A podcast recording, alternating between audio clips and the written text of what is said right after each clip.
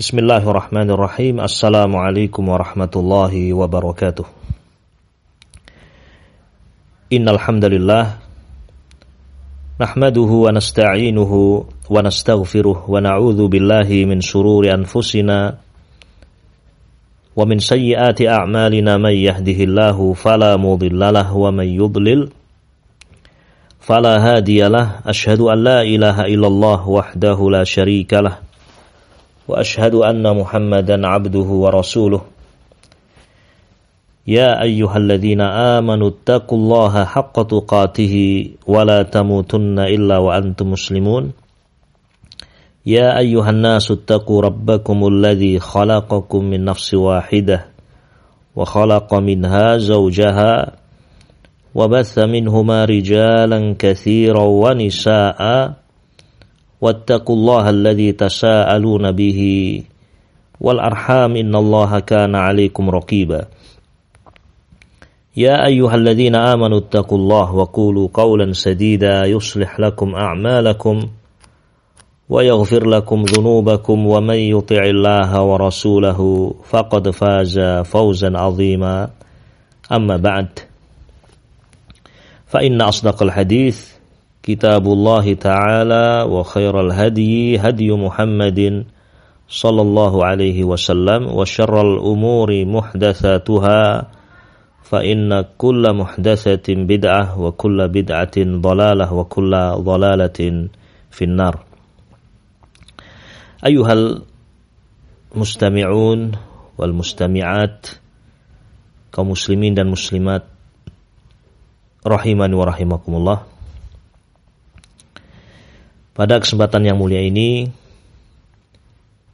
insyaallah taala kita akan melanjutkan pembahasan al-iman bil yaumil akhir iman kepada hari akhir dan sebagaimana telah kita janjikan pada kesempatan yang telah lalu insyaallah taala pada kesempatan ini kita akan membacakan hadis Al-Bara ibn Azib radhiyallahu taala anhuma. Sebuah hadis yang cukup panjang diriwayatkan oleh Al-Imam Ahmad Ibnu Hanbal rahimahullah di dalam musnad beliau. Sebuah hadis yang merupakan landasan bagi ahlus sunnah untuk meyakini hal-hal yang terkait dengan fitnah kubur, yakni pertanyaan malaikat mungkar dan nakir, nikmat kubur, azab kubur. Naam, insyaallah taala kita akan membaca hadis yang sahih ini. Semoga Allah Subhanahu wa taala memberikan keberkahan kepada kita semuanya dengan mencintai berita-berita dari Nabi dengan membenarkan apa yang beliau kabarkan karena sungguh kebahagiaan itu adalah dengan kita mengimani apa yang dikabarkan oleh Nabi alaihi salatu wassalam. Karena dengan itu hati akan menjadi hidup dan seorang akan mendapatkan as-sakinah, ketenangan. Walillahil hamd. Diriwayatkan oleh sahabat Al-Bara bin Azib radhiyallahu taala anhuma beliau mengatakan kharajna ma'an nabiyyi sallallahu alaihi wasallam. Suatu saat kami keluar bersama Nabi alaihi salatu wassalam. Para sahabat bersama dengan Nabi fi jinazati rajulin minal ansar. Mengantarkan jenazah seorang sahabat ansar. Naam. Dan Demikianlah salah satu hak di antara hak saudara kita muslim. Nah, faida mata fatba'uhu jika dia meninggal maka antarkanlah jenazahnya. Dan Nabi alaihi salatu wasallam mengantarkan jenazah. Sahabat beliau sallallahu alaihi wasallam. Kita bersama Nabi mengiringi jenazah ini fantahaina ilal qabri sampailah kita di pemakaman. Fantahaina ilal qabri, sampailah kita di pemakaman. Dan ternyata ya liang lahat sedang disiapkan. Nah, ini belum selesai. Walamma yulhadu ketika liang lahat sedang disiapkan. Fajalasa Rasulullah sallallahu alaihi wasallam Rasul pun duduk di pemakaman. Ya. Wajalasna haulahu. Kita pun duduk di sekitar Nabi Ali Shallallahu Wasallam. Dan keadaan para sahabat ketika itu dikisahkan oleh Al-Bara' ibn Azib dalam keadaan tenang, khidmat di sekitar Nabi Ali Shallallahu Wasallam sampai dikatakan oleh Bara' wa ala ru'usina seakan-akan di kepala-kepala kami itu bertengger burung. Saking tenangnya, saking khidmatnya. Iya. Di situ Nabi Ali Shallallahu Wasallam kemudian memanfaatkan kesempatan untuk menyampaikan ilmu. Demikianlah Nabi Ali Shallallahu Wasallam yahris demikian bersemangat untuk membimbing umatnya dalam setiap kesempatan, dalam setiap keadaan. Rasul duduk wa fi yadihi 'udun yankutu fil ard. Ketika itu Nabi Ali Shallallahu Wasallam memegang ranting yang ranting itu beliau gores-goreskan di bumi. Farafa'a ra'sahu ketika itu Nabi Ali sallallahu wasallam mengangkat kepala beliau sallallahu alaihi wasallam faqala kemudian beliau bersabda ista'idzu billahi min azabil qabri ista'idzu billahi min azabil qabri berlindunglah kalian kepada Allah dari azab kubur Ista'idhu billahi min azabil qabri. Berlindunglah kalian kepada Allah dari azab kubur. Marrotain au salasan. Beliau ucapkan dua kali atau tiga kali. Sebuah nasihat dari Nabi Ali Shallallahu Wasallam dan bimbingan untuk kita minta perlindungan kepada Allah dari azab kubur. Sabda Nabi ini menunjukkan bahwasanya azab kubur itu ada karena kita diperintahkan untuk berlindung kepada Allah dari azab kubur. Berarti ada azab kubur itu. Kemudian juga Nabi membimbing umat ini agar selamat dari azab kubur. Di antaranya dengan minta perlindungan kepada Allah. Sungguh luar biasa. Kasih sayang beliau. Alaihi salatu wassalam kepada umatnya. Memberitahu akan adanya bahaya yang mengancam.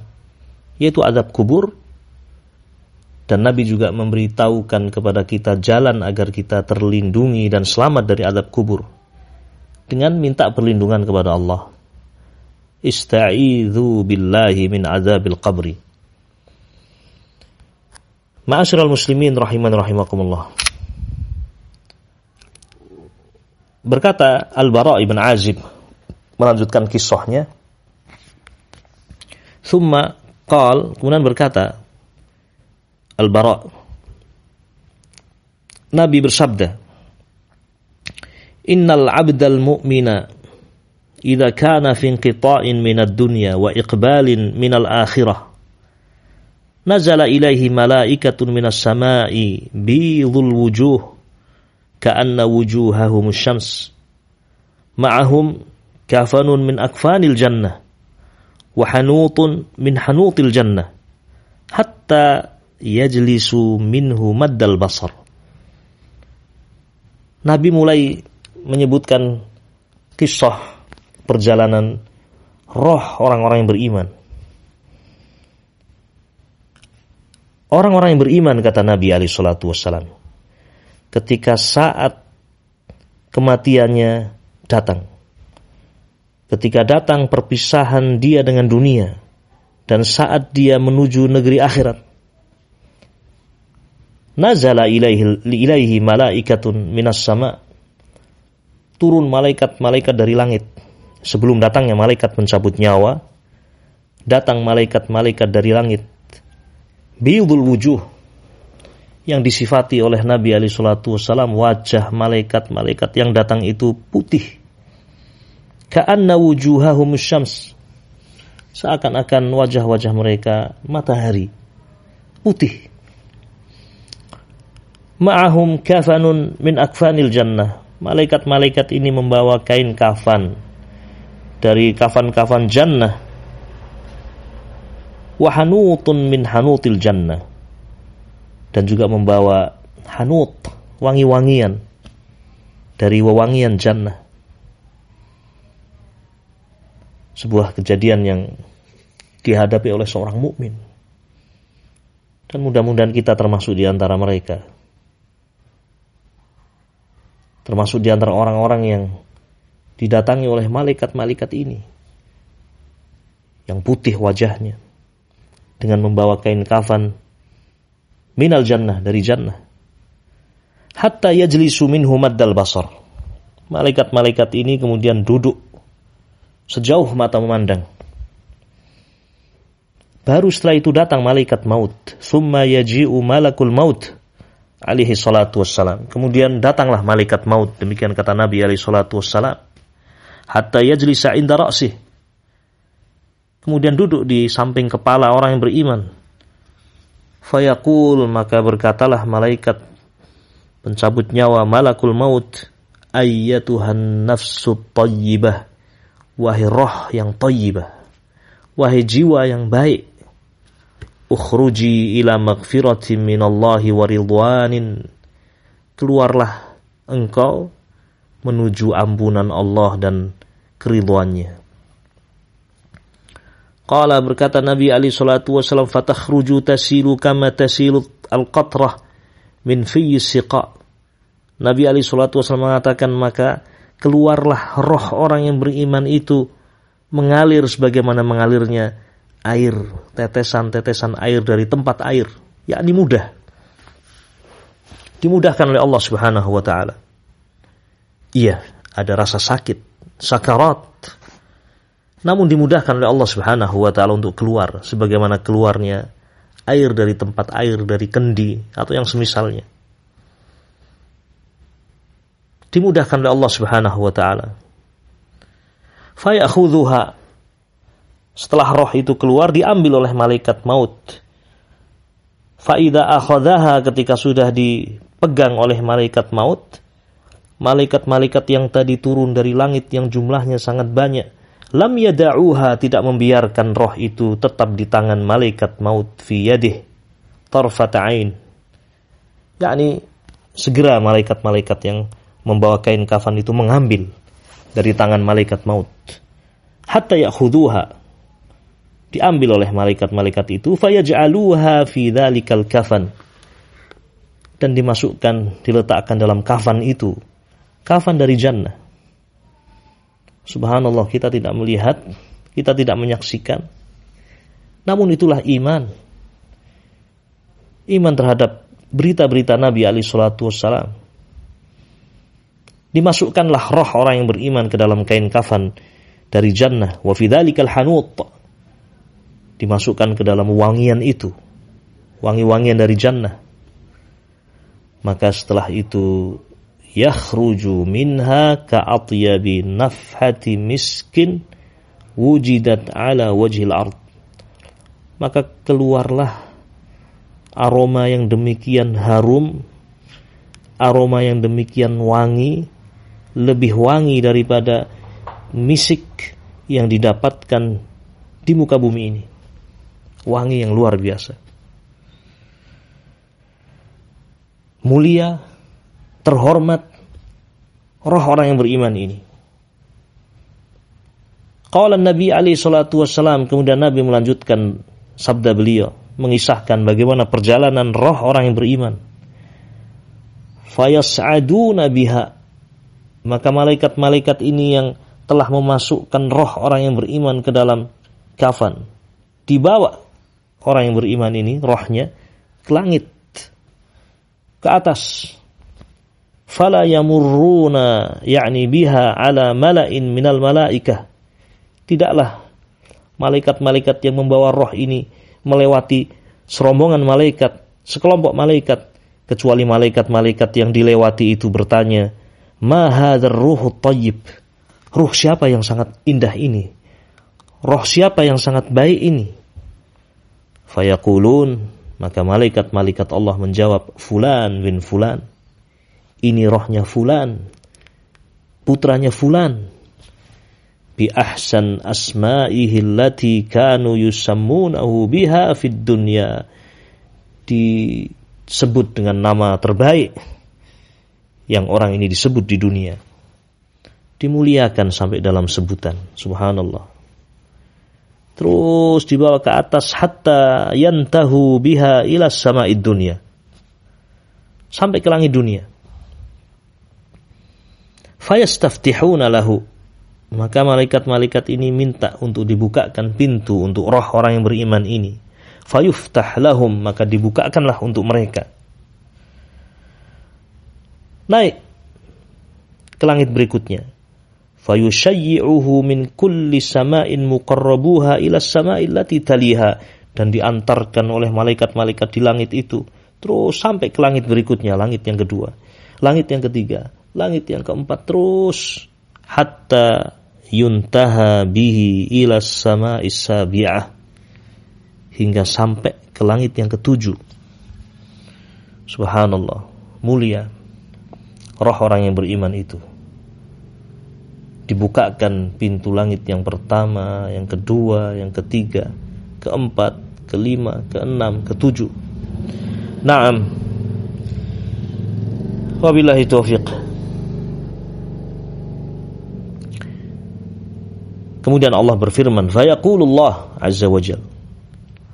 Allah kemudian berfirman, "Uktubu kitab 'abdi fi 'illiyyin." Tulislah catatan hambaku ini fi illiyin di illiyin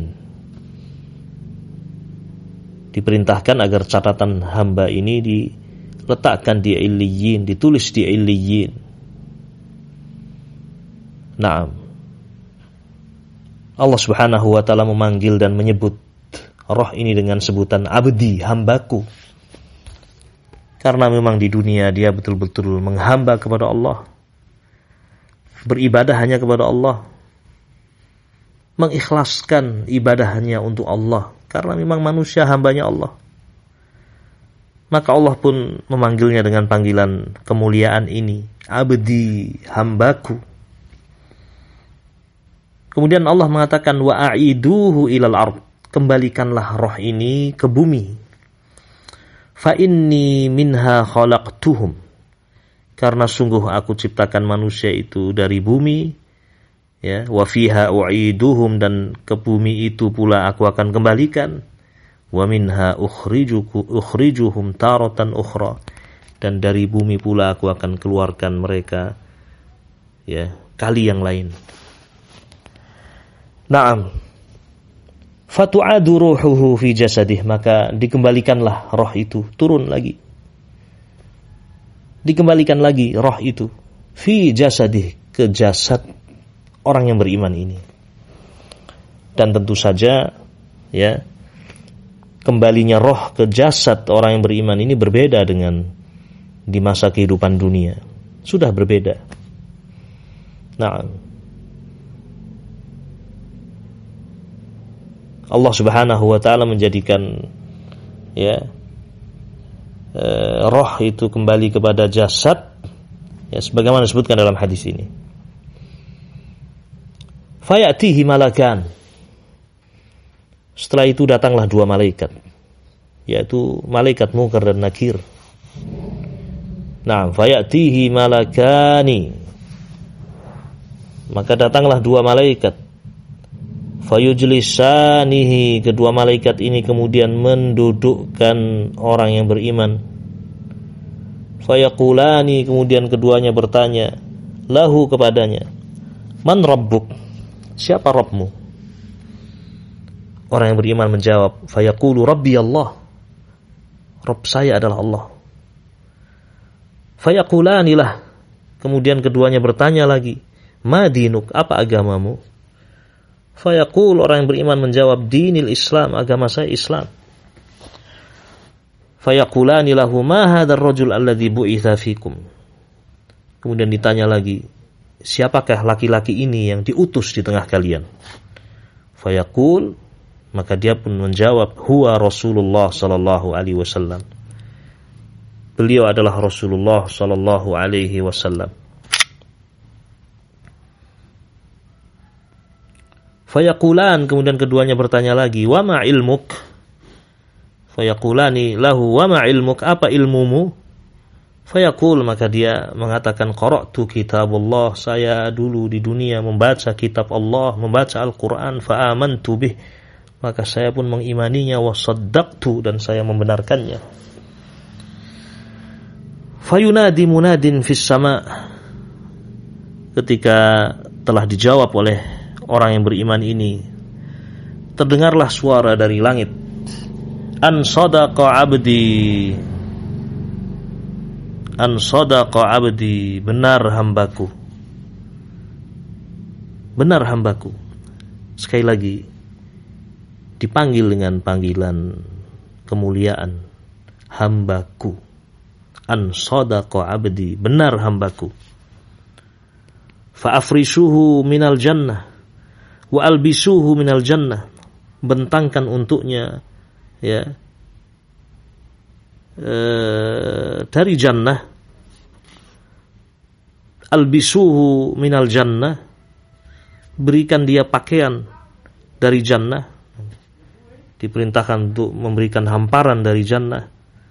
Kemudian diberikan pakaian dari jannah.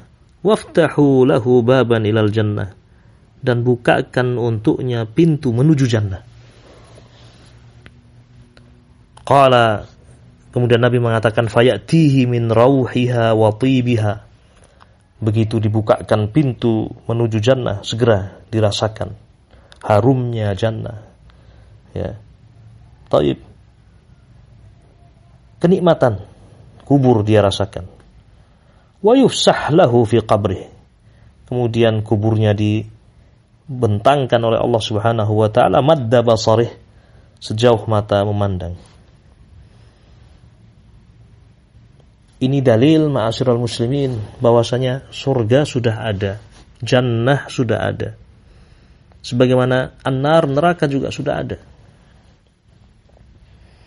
Nah, dan Allah Subhanahu wa taala ciptakan jannah wan nar. Ya. Sebelum Allah menciptakan manusia, sebelum Allah menciptakan Adam alaihi salatu wassalam, wa kana fiha dulu Adam di jannah Dan di antara ya hikmah dan manfaat dari jannah itu adalah ya apa yang dirasakan oleh hamba-hamba Allah yang beriman di alam barzakh nanti merasakan nikmat kubur dengan dibukakan pintu menuju jannah. Ya.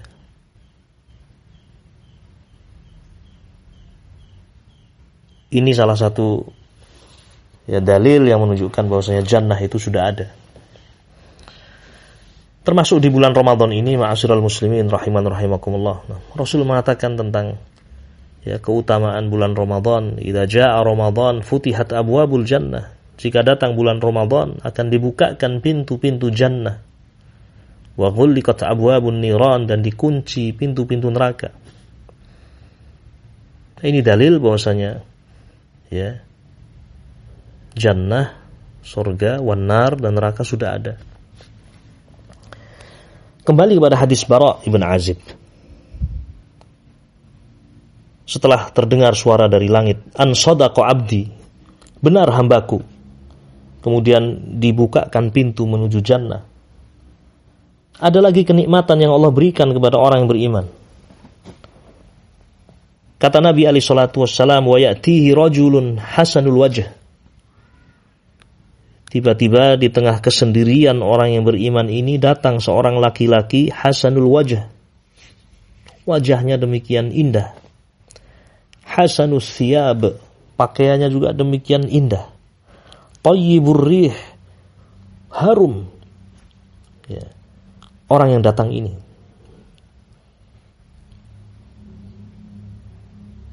Maka bertanyalah orang yang beriman, atau sebelumnya orang ini yang datang dengan wajah yang indah, pakaian yang baik, mengatakan kepada orang yang beriman, Abshir billadhi yasurruk. Berbahagialah engkau wahai fulan dengan sesuatu yang membahagiakan kamu. Hada yaumuka alladhi kunta tu'ad. Inilah hari yang Allah janjikan untukmu. Fayaqululah maka orang yang beriman ini bertanya kepada orang yang datang, "Man anta?" Siapa engkau ya fulan? Fawajhukal wajhu yaji'u bil khair. Wajahmu ini tampak ya. Wajah yang membawa kebaikan. Fayaqul maka orang ini mengatakan, "Ana amaluka salih." Aku adalah amalan solehmu. Allah Subhanahu wa taala menjadikan amalan solehnya dalam bentuk manusia yang rupawan, yang harum, datang menemani orang yang beriman di alam kubur. Fayaqul maka berkatalah orang yang beriman, Rabbi aqimis sa'ah hatta arji'a ila ahli wa mali. Wahai Rabbku, tegakkanlah hari kiamat agar aku segera kembali kepada keluargaku, kepada hartaku. Nah, sampai di sini Nabi Ali Shallallahu Wasallam ya, mengisahkan perjalanan roh orang-orang yang beriman. Adapun berikutnya Nabi Ali Shallallahu Wasallam menyebutkan perjalanan roh orang-orang yang kafir. Nah, kita baca sabda Nabi Ali Shallallahu Wasallam berikutnya.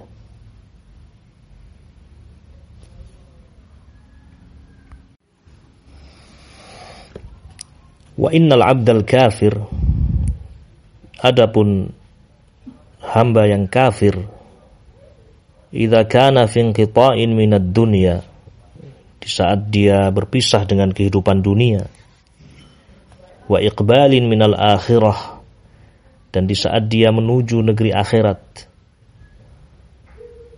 nazala ilaihi minas sama malaikatun sudul wujuh turun dari langit malaikat-malaikat yang wajah-wajah mereka hitam.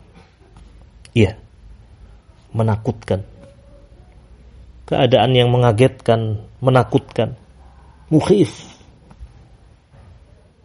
Malaikat-malaikat ini ma'ahum al-musuh, membawa al-musuh. Yani sesuatu yang untuk membungkus rohnya, sesuatu yang buruk. Bukan seperti orang-orang yang beriman.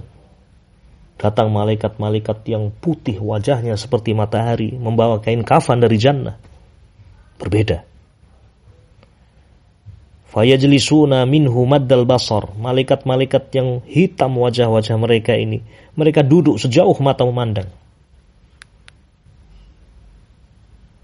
Dalam keadaan takut, dalam keadaan mengerikan seperti itu datang malaikat maut summa yaji'u malakul maut kemudian datang malaikat maut hatta yajlisa inda ra'si hingga duduk di sisi kepala orang kafir ini di sisi kepala orang munafik ini. Kemudian dicabutlah nyawa itu dengan demikian keras.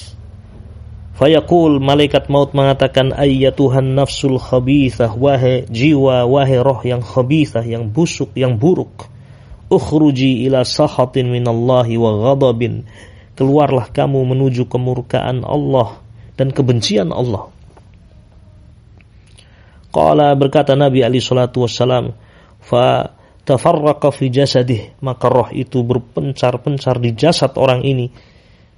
Fayantazi'uha dan dicabutlah roh itu. Kama yantazi'us safud. Sebagaimana duri-duri itu dicabut minas sufil mablul. Dari bulu-bulu yang basah, yakni min syiddatih. Karena beratnya, sakitnya. Fayakhudhuha maka segera roh ini setelah keluar diambil oleh malaikat maut. Fa idza akhadhaha ketika malaikat maut telah memegangnya lam yada'uha malaikat-malaikat yang hitam wajah-wajah mereka. Tidak pula membiarkan roh ini tetap di tangan malaikat maut segera diambil. Hatta yaj'aluha fi tilkal musuh dimasukkan ke dalam musuh. Ya. Sesuatu yang sangat buruk itu dan keluar dari roh orang yang kafir ini bau yang sangat busuk. Wa yakhruju minha ka'antani rihi jifatin wujidat ala wajil ard. Keluar dari roh orang yang kafir yang munafik ini bau yang sangat busuk lebih busuk daripada bau bangkai yang didapatkan di muka bumi ini. Iya ini perkara gaib Naam lahiriahnya mungkin baik, bagus ya. Seperti ya jasad-jasadnya orang-orang kafir yang ya dihiasi dengan pakaian, dikasih wangi-wangian. Nah, dirias seindah mungkin. Itu sesuatu yang tampak dalam kehidupan dunia. Namun sungguh orang-orang kafir itu terhina. Sampai rohnya pun dimasukkan ke dalam wadah yang demikian jelek dan keluar dari roh orang yang kafir itu bau yang sangat busuk, lebih busuk dari bangkai yang ada di muka bumi ini. Lalu ke mana berjalan roh orang yang kafir ini? Dibawa ke atas. Fayas'aduna biha. Malaikat-malaikat yang hitam wajah-wajah mereka pun membawa roh ini ke atas. Namun ternyata tidak ada sambutan yang baik yang ada adalah celaan. Fala yamurruna biha ala mala' minal malaikah. Tidaklah melewati malaikat-malaikat illa qalu kecuali malaikat bertanya ma hadzal ruh al khabith. Roh yang busuk ini rohnya siapa? Fayaqulun maka malaikat-malaikat yang membawanya mengatakan fulan bin fulan. Ini rohnya fulan bin fulan. Bi aqbaha asma'ihi. Dengan menyebut sejelek-jelek namanya allati kana yusamma biha fid dunya. Yang dia biasa disebut di dunia dengan nama itu. Disebut dengan nama yang terjelek. Dibawa ke atas hatta yuntaha bihi ila sama'id dunya sampai ke langit dunia fa yustaftah lahu dimintakan agar dibuka pintu langit dunia. Fala yuftah lahu namun tidak diizinkan.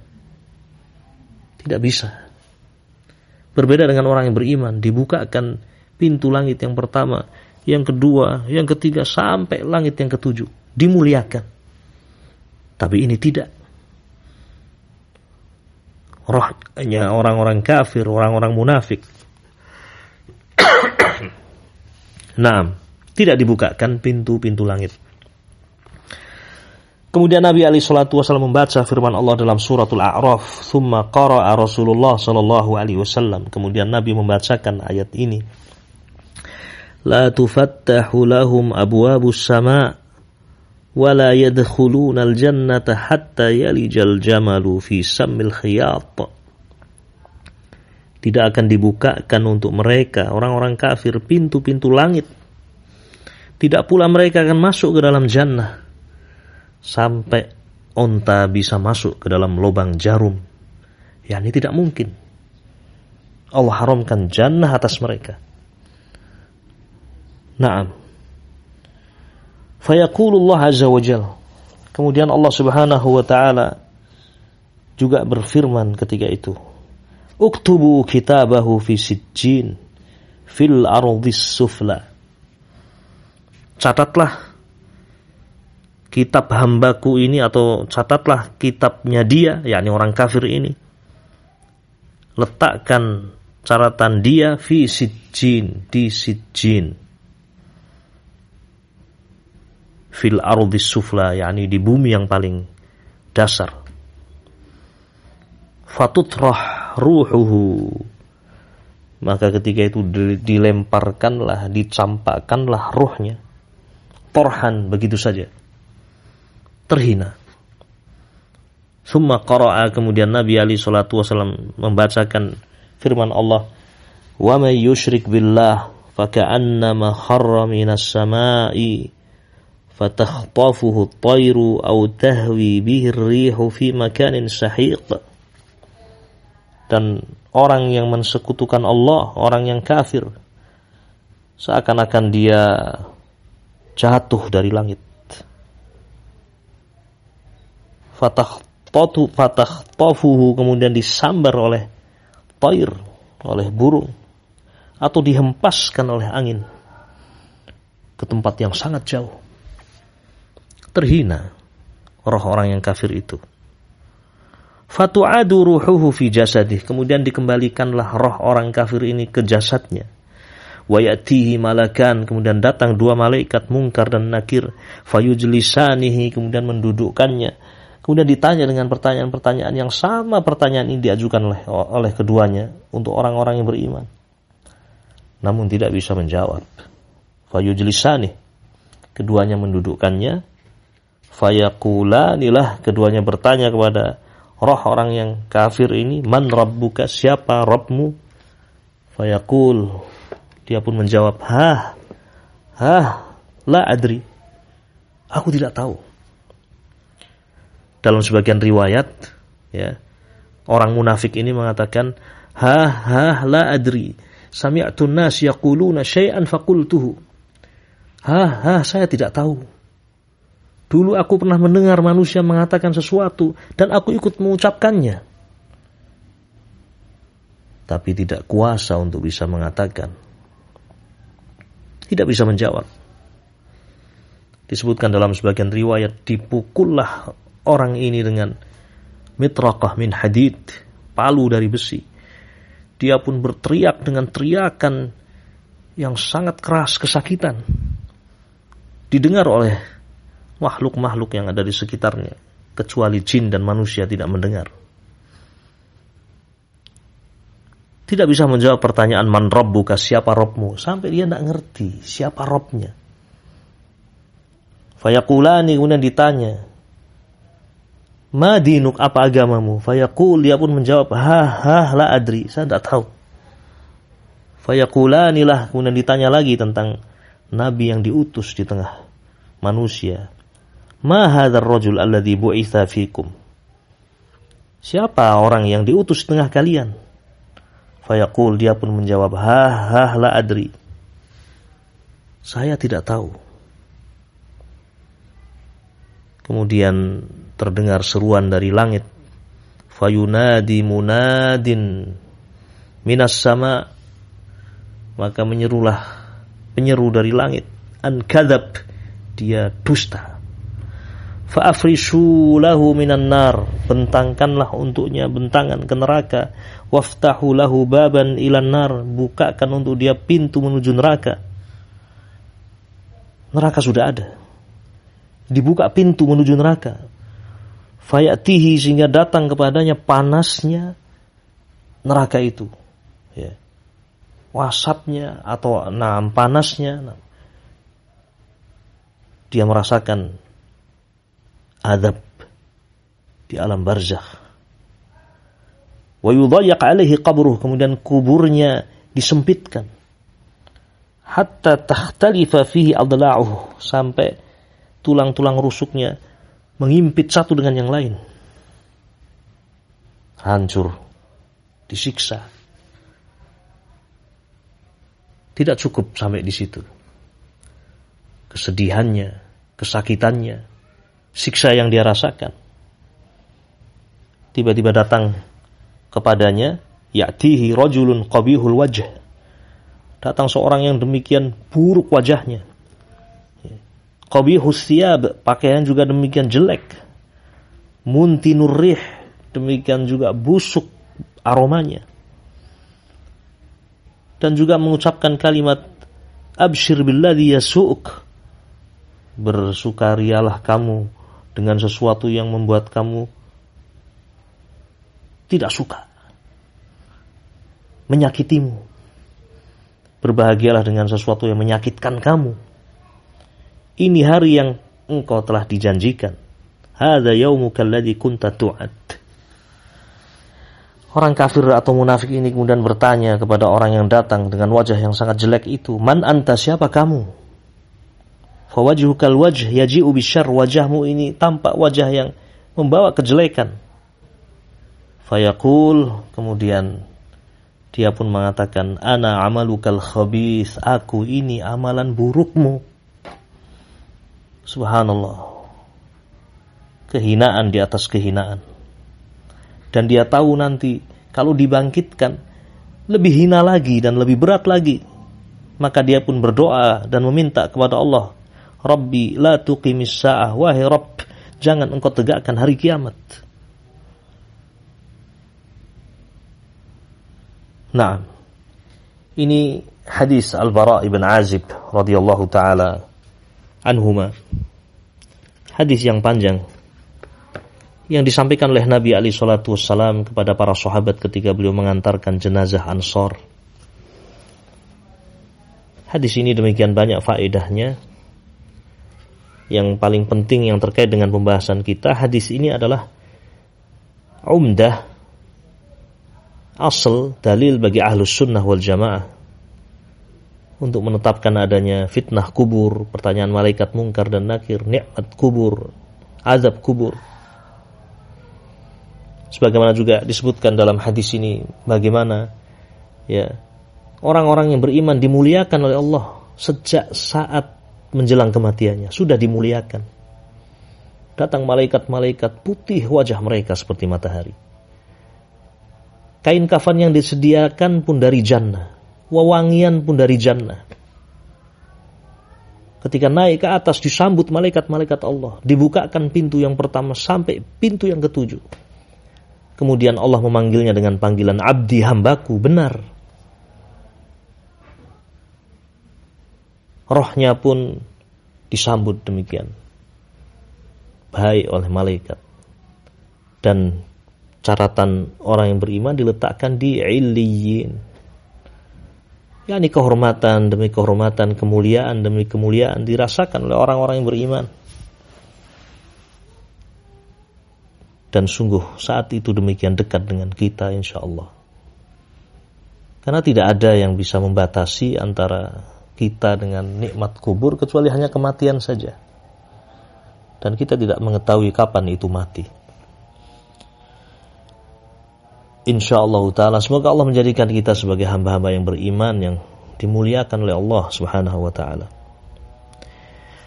Terkait dengan hadis Al-Bara ibn Azib radhiyallahu taala anhu ya kita sebutkan faedah terkait dengan sanad hadis ini atau siapa yang meriwayatkannya. Hadis ini ma'asyiral muslimin rahiman rahimakumullah diriwayatkan oleh Imam Ahmad bin Hambal di dalam musnadnya. Bisa dilihat pada musnad Imam Ahmad juz yang keempat halaman 287. Nah, uh, atau di dalam cetakan uh, Muassasah Ar-Risalah ya juz yang ke-20 halaman 499 diriwayatkan pula hadis ini oleh Ibnu Abi Syaibah di dalam Musannaf. Dan hadis ini disahihkan oleh Syekh Al-Albani rahimahullah di dalam Al-Mishkah. Nomor eh, 1630 dan Syekh Al-Albani rahimahullah mensahihkan hadis ini mengikuti para ulama sebelumnya yang telah mensahihkannya seperti Ibnu Mandah wa Al-Baihaqi rahimahullah Al-Imam Al-Baihaqi wa Syekhul Islam Ibnu Taimiyah rahimahullah Ibnu Al-Qayyim juga Al-Hafidh Ibnu Hajar Al-Asqalani rahimahullah mensahihkan hadis ini. Ada sebagian yang membaifkannya tetapi penilaian ini eh, tidak benar karena terluputkan barangkali ya, sebagian hal ya, sehingga menghukumi hadis ini dengan hukum yang eh, tidak sesuai. Di antara yang membaifkan ya menyebutkan alasannya bahwasanya di dalam sanad hadis ini ada seorang yang bernama Zadan Al-Kindi rawi dari Al-Bara ibn Azib dan dikatakan bahwasanya Zadan ini tidak mendengar dari Al-Bara ibn Azib radhiyallahu taala anhuma. Artinya hadis ini ya dikatakan terputus sanatnya. Akan tetapi alhamdulillah ya illah ini sesungguhnya la yadur tidak membahayakan karena ya hadis ini e, di dalam salah satu riwayat ya dalam salah satu jalan ya dalam kitab Mustakhraj Abu Awanah didapatkan bahwasanya Zadan Al-Kindi ini mendengar langsung dari Al-Bara fahuwa yasma. Beliau mendengar dari Al-Bara. Ya. Dan juga ada mutaba'ah ada penguat yang menguatkan hadis ini. Fal hadithu sahihun walhamdulillah. Maka hadis ini sahih walhamdulillah rabbil alamin dan Ibnul Qayyim rahimahullah beliau memiliki pembahasan terkait dengan hadis ini di dalam kitab Ar-Ruh. Bisa dilihat dalam kitab Ar-Ruh halaman 146. Nah, ala kulihal hadis ini hadis yang demikian bermanfaat dan di antara bentuk kasih sayang Nabi kepada kita semuanya, umatnya. Melalui jalan beliau kita bisa mengerti lika-liku yang akan dilalui oleh seorang hamba. Apa yang akan dihadapi oleh seseorang ketika dia meninggalkan dunia ini. Iya, ini sesuatu yang gaib dan itu akan tersingkap nanti di saat-saat kita meninggalkan dunia ini dan menuju negeri akhirat. Kita memohon kepada Allah Subhanahu wa taala bi asma'ihil husna bi asma'ihil husna wa sifatihil ulya أن يوفقنا جميعا للإيمان به والإيمان باليوم الآخر والاستعداد لاستقبال هذا اليوم kita mohon kepada Allah Subhanahu wa taala semoga Allah memberikan taufik kepada kita agar menjadi orang-orang yang beriman kepada Allah pada hari akhir dan dimudahkan kita semuanya untuk menyiapkan diri mengumpulkan bekal menghadapi hari tersebut. Wabillahi taufiq wa sallallahu wasallam ala nabiyyina Muhammad wa ala alihi wa sahbihi ajma'in walhamdulillahi rabbil alamin. Assalamualaikum warahmatullahi wabarakatuh.